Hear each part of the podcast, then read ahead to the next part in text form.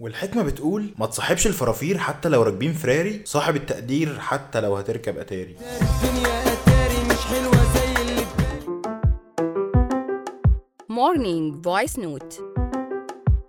يا صباح الأخبار. الليلة اللي فاتت انتشر فيديو كده للفنان تميم يونس قلب ال social media والعوالم المجاورة. بعد ما تميم قال فيه إنه تعرض للتحرش من كام سنة على إيد دكتور أسنان مشهور وحكى تفاصيل أستغفر الله العظيم يعني. وبعدين آه، بيقول لي أنت لازم تاخد حقنه عشان آه، بنج بنج آه، عضل يعني. نزل البنطلون. فأنا يعني فتحت البنطلون كده نزلت الحتة اللي الواحد بياخد فيها الحقنة. راح فاتح البنطلون وماسكني من ودي ما كانتش المرة الأولى اللي يتهم فيها الدكتور ده بالتحرش بالرجالة. من حوالي شهرين مثلا الفنان عباس أبو الحسن اتكلم برضه في الموضوع ده في بوست ليه على فيسبوك.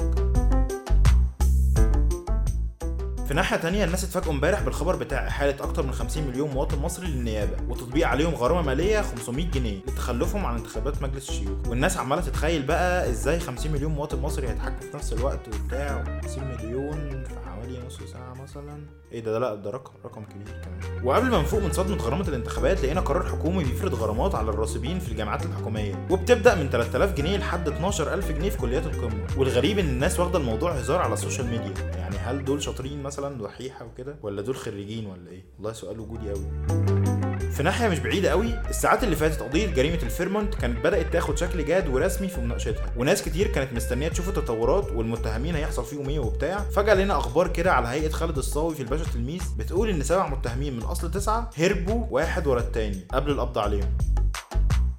وعلى هامش بقى الهري الكتير ده موقف الموسيقار هاني شنودة مع الشاب محمد عماد اللي ما كانش يعرفه بإنه دعاه في بيته وشرب معاه الشاي حاجة كده كانت قمة في العظمة ويستحق أفضل ترند في الأسبوع ده كمان. التواضع ده حاجة أصلا مش بتتشرى يعني. وطبعا ما ينفعش ننسى اللاعب العبقري مروان محسن اللي أنقذ الأهلي امبارح في الدقايق الأخيرة. وده بعد إيه؟ بعد كمية تنمر رهيبة تعرض لها الأيام اللي فاتت. بس للأسف حتى بعد كل ده جمهور الأهلي على ال social media لسه عمال يسف عليه. وأخيرا بقى هنقول لك حاجة تعملها في ال weekend ده. بص في فيلم جامد جدا لكريستوفر نولان لسه نازل السينمات ما تحاولش تفوته. Tenet أو عقيدة. هو فيلم أكشن بتدور أحداثه حوالين عميل سري بيسافر عبر الزمن. في مهمة جاسوسية كده لإنقاذ الجنس البشري من الحرب العالمية الثالثه هو طبعا حوار السفر عبر الزمن ده بقى منتشر جدا في أعمال فنية كتير الفترة الأخيرة. بس تنفيذ نولان أكيد هيكون مختلف. وكمان الفيلم متكلف جدا يعني الحقيقة. يلا nice weekend يا معلم. سلام. like و share وخليك على وصلة براوزر واكسب عروض وهدايا أكتر.